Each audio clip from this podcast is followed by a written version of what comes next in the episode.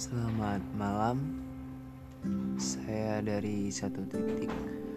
Malam ini akan berceritakan tentang mencintai seseorang yang salah.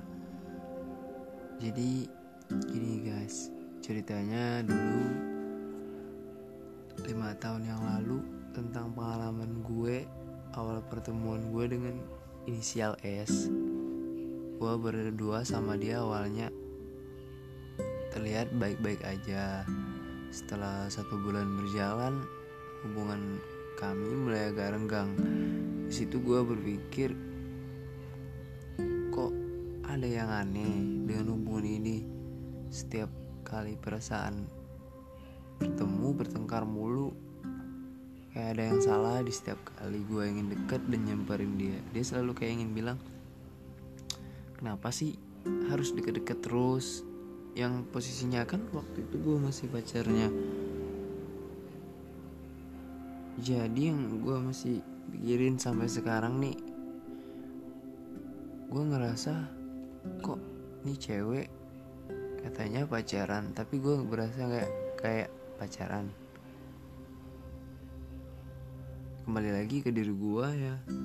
Ya mungkin memang di saat itu dia udah mulai nggak ada rasa lagi untuk gua. Dia mulai udah bosan mungkin atau segala macam lah. Yang jadi masalahnya di sini gua dia pernah bilang ke gua kayak gini ya udahlah kita sampai sini dulu. Kata dia gua mau fokus sekolah dan kuliah. Ya menurut gua itu gak masuk akal banget ya kalau mau kuliah ya kuliah. Ya kalau mau sekolah sekolah gitu. Apa hubungannya sekolah sama kuliah dan pacaran? Ya kalau dari awal emang nggak ada niat gitu buat deket ya jangan memberikan satu ruang hati gitu untuk untuk orang lain.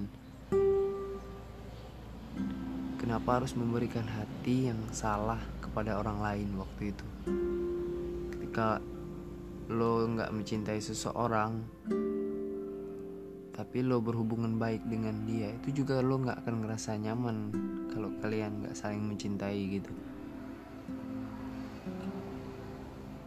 Jadi guys seperti itulah guys cerita gue pada malam hari ini. Gue dari satu titik semoga bermanfaat untuk kalian. Next episode selanjutnya